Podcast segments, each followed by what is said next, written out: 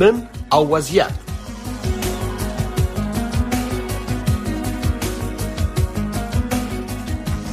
قدرمن اوریدونکو السلام علیکم زه احمد الله چوال د امریکا غږ د نن او وضعیت په نننۍ نیم ساعته خبرونه کې ستاسو کوربه یم پاکستان افغانستان او ازبکستان د ترانس افغان اورګاډي درې اړخیزه پروژې د ممکنه چیرنې په اړه د درې واړو اړخونو په کاري ګروپ کې بحث کړي بلخوا بیا د باختر اژانس چې د طالبانو د حکومت تر څار لاندې کار کوي په راپور کې راغلي چې د طالبانو د حکومت د اوسپنې پټلۍ ادارې سرپرست مولا بختورحمن شرافت پاکستان ته سفر کړي او د یاد هیواد د اوسپنې پټلۍ وزارت لمرستیل زفر زمان رانجه سره کتلی باختر اژانس زیاتوي د دوی وزیر د افغان ترانس اوسپنې پټلۍ اړوند مفصل بحثونه کړي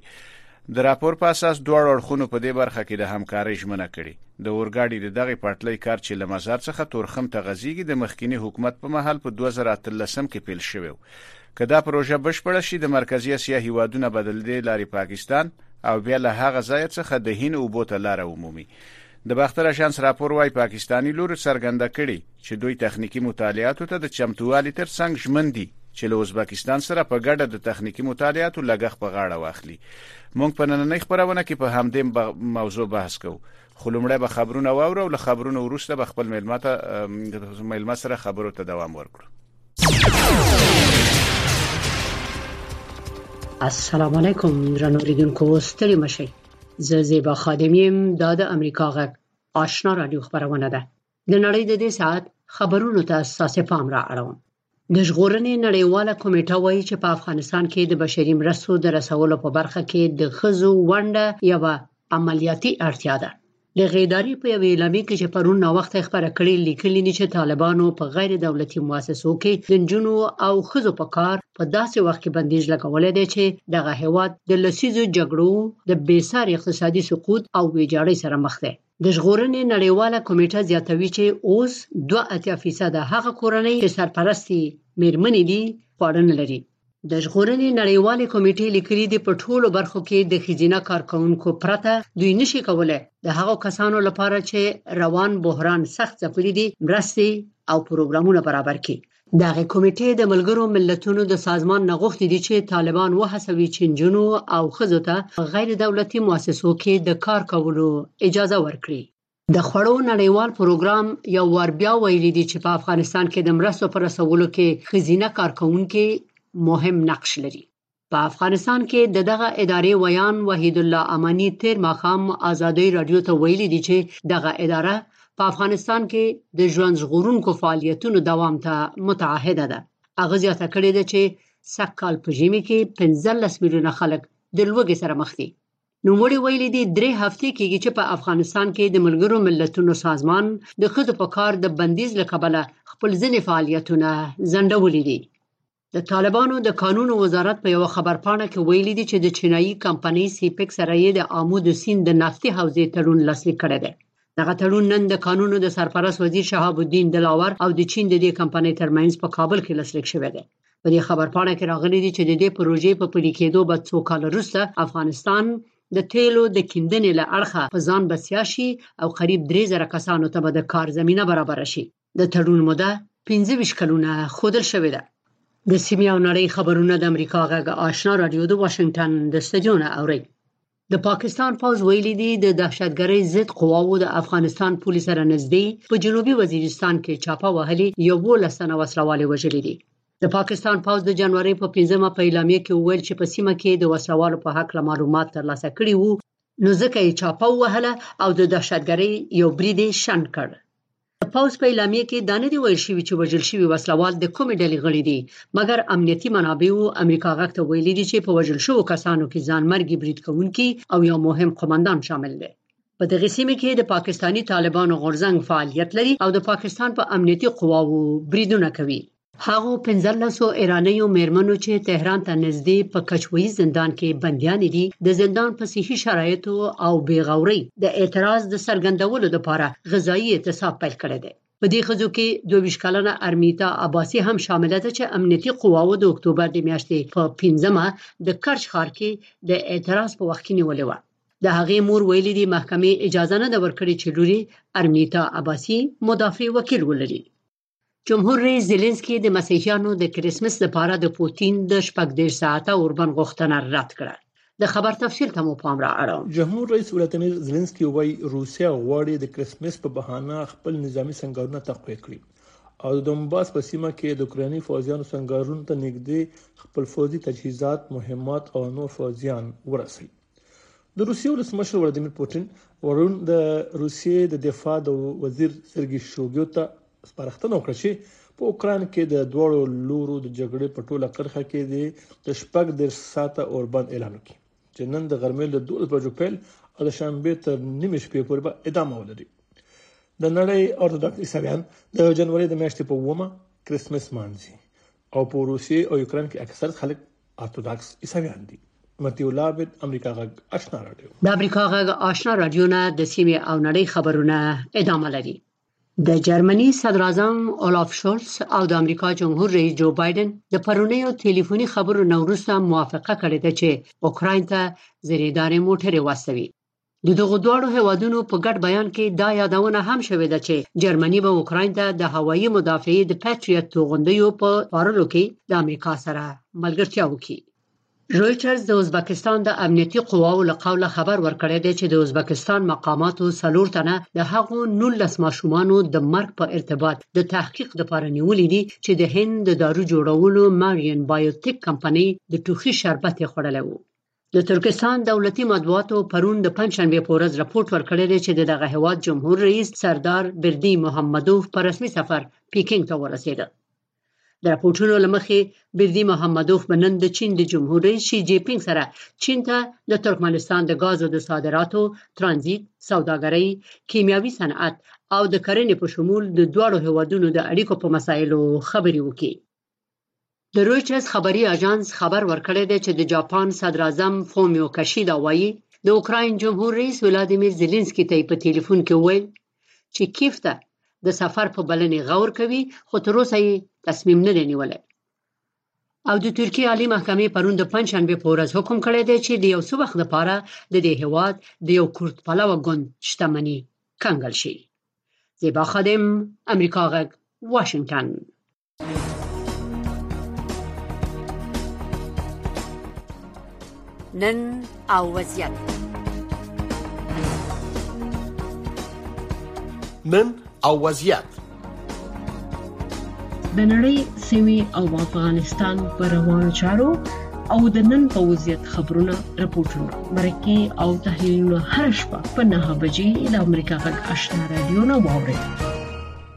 به هم ستړي مشي د هغه اوریدونکو چې تازه را سره په خبرونه کې مل شوی لپاره یادونه کوو چې پاکستان، افغانستان او ازبکستان د ترانس افغان اورګاړي درې اړخیزې پروژې د ممکنه څېړنې په اړه د درې واړو اړخونو په کاري ګروپ کې بحث شوی. موږ په همدې موضوع د خپل قدرمن میلمه په واشنگټن کې د افغانستان په خوانی مستشار خاغلی صفی الله دلاور صاحب سره خبرې کوو. دلاور صاحب خبرونه ته په خیر راغلی. سلامونه جناب آشنا صاحب تاسو ته تاسو همکارانو ته هم تاسو تاسو له طریق تاسو درنو اوریدونکو ته ډیره مننه دلاور صاحب دلاور صاحب په دې ورشتویو کې په ښکارا د پاکستان او افغانستان ترمنځ اړیکې یو څه خړې پړې شوې وي د دغه خبرونو په منځ کې به د اورګاډي د پټلۍ پاړه د چیړونو د پیلېدو یا پاغي باندې د هوکړې کولو پیل دا څه معنی لري جناب اچوال صاحب د تخنیکی لحاظ اقتصادي پروژې چې کله در سره کیږي مختلف پړاوونه لري او په مختلفو پړاوونو کې دا در سره کیږي او ځانګړي ټیمونه په هغه باندې کار کوي یعنی تر هغه چې وضعیت هغه نهایی کړکېچن حالت نه وي رسیدلی او حالات هغه مرحله ته نه رسیدلی چې اقتصادي او فرهنګي او دا راز تړونونه په کلاس لیکيږي او په لیکيږي نه نو هغه نور اړوند ټیمونه چې هغه خپل کار ته ادامه ورکوي او او دا کار تر مخه بیایي یعنی کچېری سیاسي وضعیت هغه مرحله ته رسیدي چې پیغه کې به اقتصادي او فرهنګي او دغسي تړونونه نه لاسلیک کیږي نو بیا وضعیت تیر کل کې چلوي خو فعلا زه فکر کوم چې د پاکستان او د افغانستان حالت هغه مرحله ته نه رسیدل چې دی به یعنی د دې د نور ټیمونه په دې برخه کې فعالیت نه کوي او کار نه کوي اما ترشای سیاسي مانورونه هم کېدلای شي د کې شک نشته چې او وضعیت در څونه چې په خواخو غونه نه ده د دې شورا امنیت ناسته هم دا راځغه اعلامي چې دوی یو بل په حق سره خپلې کړې دي نو لدی حالت نه یو یعنی د کولای شي چې وضعیت په دغه سي وخت کې تغییر راوړي مثلا کې د شوي سي د سکیډول پر راتلونکي کې ورسته وایي ما د ژر کړی وي ترڅو دی وکول شي چې د خپل له طالبانو سره خپل اړیکې لا شي وخی او دا وضعیت در یعنی یو یو مانو روم خره کې خو په د دې راه د زما نظر دا د شخصي البته چې دا اقتصادي او فرهنګي ټیمونه به خپل کار کوي او د روسه لا د دې هغه سیاسي وضعیت د مرحله کې نه دی چې د دې د تړونونو یا لاسلیک نه کیږي د کار کوي د لاور صاحب تاسو د پروژې د قدمونو په اړه خبره وکړه په تخنیکی لحاظ خو د پروژې د پیل مخکې باید سیړنی وشي تخنیکی سیړنی باید مخکې وشي دا پروژه په 2013 کې په دې باندې یو څه کار شروع شو نو اوس پښتنه ده پاکستان د نړیوال بانک نه په دغه باره کې پوره هم واغسته اوس پښتنه ده چې اوس چې د دې پروژې په اړه د هوکړې دومره وګد وخت وشو اوس ولې تخنیکی څېړنې کیږي ګوري علاوه پر دې پروژې په هغه وخت کې البته په پتیرو کلونو کې د منطقي د اتصال او همدار د پاکستان سره مختلفي د پروژو په حق لبانې چیرې تر سره شوې دي کارونه مخ تللی وو تر ډیره بده او حتی د عملي کېدو پروسې ته مرحله ته رسیدلې وی لکه مونږ تاسو کولای شو چې د ټاپ پروژه په نظر کې ونیسو چې هغه له ترکمنستان څخه د 2000 میگا واټ برق لیګ د ول پاکستان ته همدارس ټاپی چې تقریبا د 10 بلین ډالرو ارزښت درلودل کاسا د انټرنیټ هغه کوم پروژه چې وایا کاکا 1000 د انرژي په حق لسی کوم و همدارس دی ریل پټلۍ تقریبا د 1130 کیلومتر یو پروژه باندې تیرنه شوی و چې د چین څخه باغه د ایران سرحد ته د پټلۍ دی چې په ولغه قرغیزستان او پاکستان موردونو دغه ټول پروژې مراحل ډیر مخ ته کړی وو اما چون په هغه وخت کې امنیتي ستونزې ډېرې زیاتې ولې او د نشو کولای دا مورد تر سره کړی نو د بیا پیل لپاره شاید د رسېونوان ورته کړی وي د دې موضوعاتو باندې بحث کوي چې څنګه کولای شي دا پروژه بیا لسره پیل کړي او یا عملی کړي خه دلاور صاحب تاسو په خبر کې هم اوریدلی وی وی پاکستانی لوري څرګنده کړي چې دوی تخنیکی مطالعاتو د چمتووالي ترڅنګ ژمندي چې له ازبکستان سره په ګډه د تخنیکی مطالعاتو لګښ ورکړي د پاکستان اقتصاد دا وخت له سخت ناورین سره مخ دی فکر کوي چې پاکستان واقعا کولای شي چې په دغه سی یو جنجالي یا بحراني حالت کې دغه ډول مطالعاتو یا د پروژې سره تړلې نورو لګښتونو ته وګور کړی ډیره ډیره ښه پوښتنه ده زه فکر کوم چې پاکستان دغه مورد ته قصدا هم په دغه وخت کې اولویت ورکړی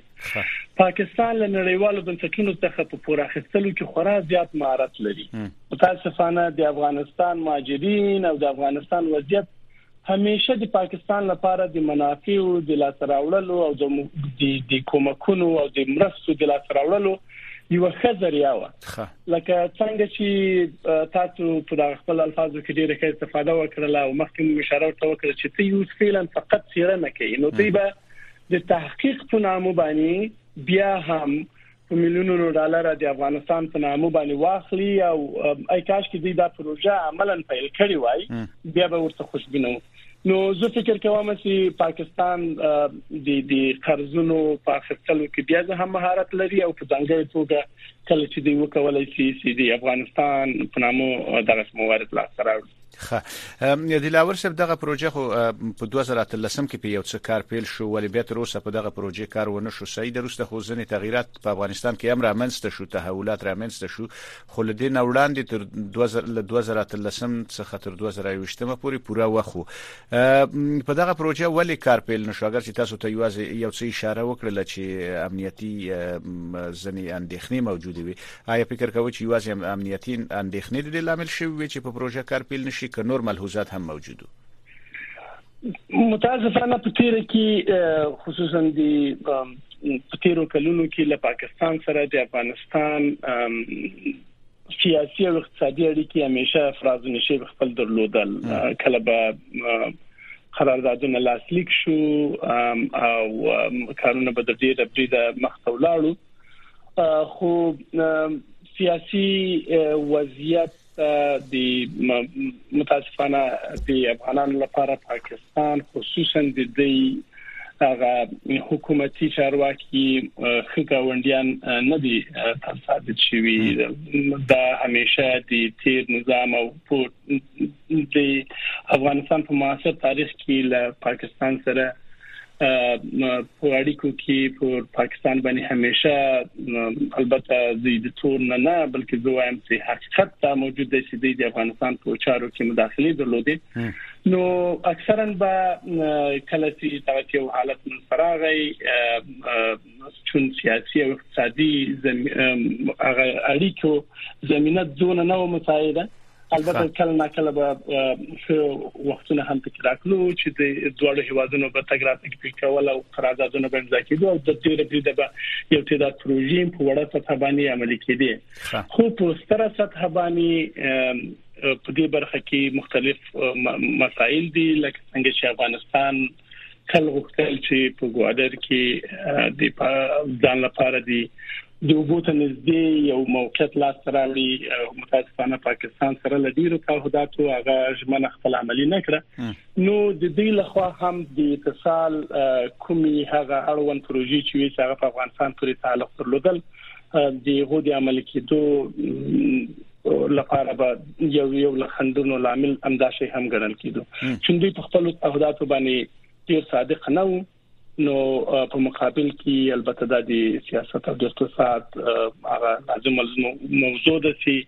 کله یو جانب خپل تعهدات باندې درېږي نو بل جانب هم کولای شي چې د یو اهرم د فشار په لحاظ لغنه استفاده وکړي نو خو د البته اساسي ستونزي امنیت ګڼل کېدل شي خو دغه ترڅنګ د پاکستان سره د اړیکو یو دوامدار یو حالت نه پاتې کېدل هم یو له هغه مواردو څخه و چې د دغه پروژو د نه عمل کېدو لامل ښه تاسو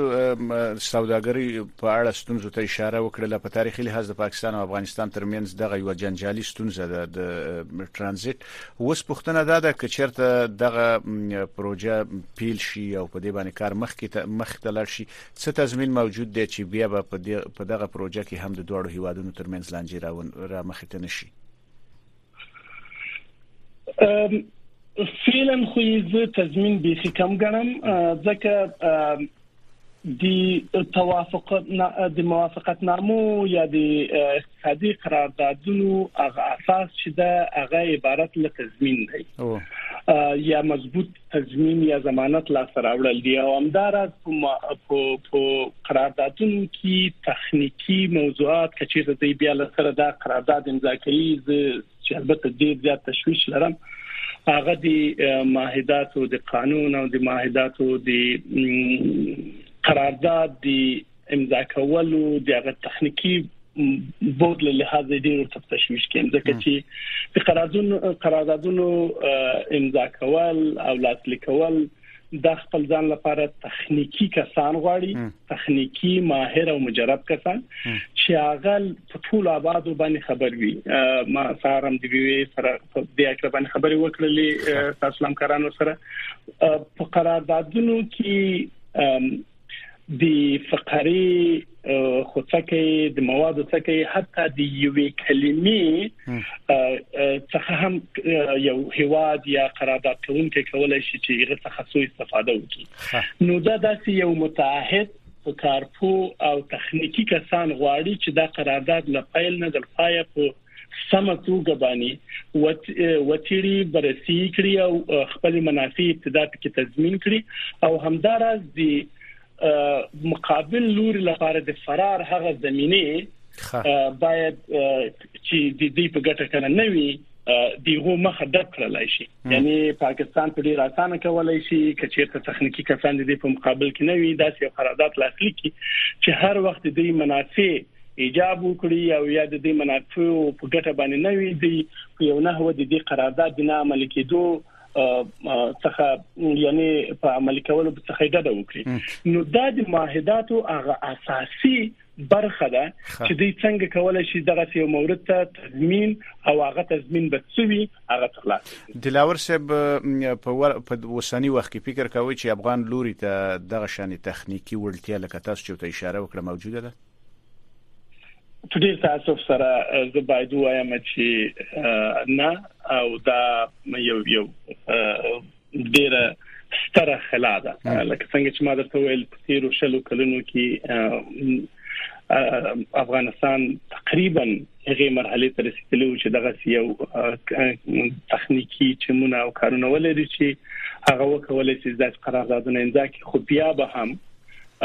قانون بین الملل تر څو دا موضوع عملی شي او فعلا افغانستان په داسې یو حالت کې ده چې نه دغه سي تخنیکی کسان لري او همدارس دی دون وخت نه لري ځکه چې دی فقط غواړي چې د خپل د مشروعیت د فلم لا سره راوړلو یعنی د دې لپاره چې آماز هان خپل کړي د یاجله کوي په دغه پروژو کې او غواړي چې زر تر سره فقط چې خبر خبر ولري او او هوا ته د خپل بیا هم وایم دي د دې د د عامه ځهانو د آرامولو او د غوډ خوشالولو لپاره د زر زر پروژې اعلان کړې نو زه د هر اړخ کې د تشويش لرم او مطمئن یم چې دغه یو تخنیکی ټیم بنوي ځکه چې هغه څو سیدی پر اس کې ده خپل یو ملا ده او همدارس متاسفانه فعلا دی افغانستان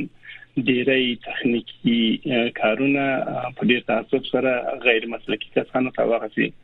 کسانو ته چې په اړوند برخه کې د شي هغه لپاره باندې لنه پیږي مسولیت ورسپارل کیږي خه دلاور صاحب دغه شانستري پروژو تمویل اکثره هیوادونه نشي کولای په ځانګړي توګه به وزله هیوادونه او نړیوال بانک دغه شانستري پروژې تمویلوي فکر کوي چې په دې موجوده حالاتو کې به نړیوال بانک وغواړي چې دغه پروژه تمویل کړي شب متاسفانه شاید وکولای شي چې دغه یو پروژې ته غاړه کیږي او د تمویل هوکړه سره وکړي لکه څنګه چې ما ویل پاکستان په دې په دغه سي کړنو کې خورا ماهر دی او د کولای شي لکه څنګه چې په بلیونونو نو ډالر د افغانانو په نامو یا د افغانستان په نامو یا د افغانستان سره د پروژو په نامو له نړیوالو بنسټونو څخه لاس راوړي دي هغه به راوړي ما د متاسفانه یا د تاسف کلمه په دې خاطر استفاده وکړه چې دا ګټه به خاص او خاص زمونږ غونډي هیواد ته دي ځکه چې لا به ګربې ماغي او کومک به هم غو تلاس تور دي او همداراز د د مصرف او هغه اساسي قدرت هم د دې لپاره در حال کې چې په دغه سي پروژو کې کله چې مختلف هوادونه داخل وي او له نړیوال سازمان څخه کومک لا سره وړل کیږي بیا هم موضوع دی هغه د ماهیداتو په تر څنګ تاسو مخکې لاندې اشاره پکې وکړه په هغه برخه کې چې ډېر تخنیکی کسانو سي په یواد مېن کسانو سي دغه نقاط ته متوجي دی باید داسې یو مواد مواد په قرارداد کې ذکر کې شي چې نړیوال بانک دا مصرف ورکوي افغانستان د قرارداد یو اړخ په توګه باید د دې مصرف صلاحیت پکې ولري چې دا مورد پکې ذکر شوی دی نه دی ذکر شوی او د څونه بری د بدیل پکې صلاحیت لري دا هغه ټول موارد دي چې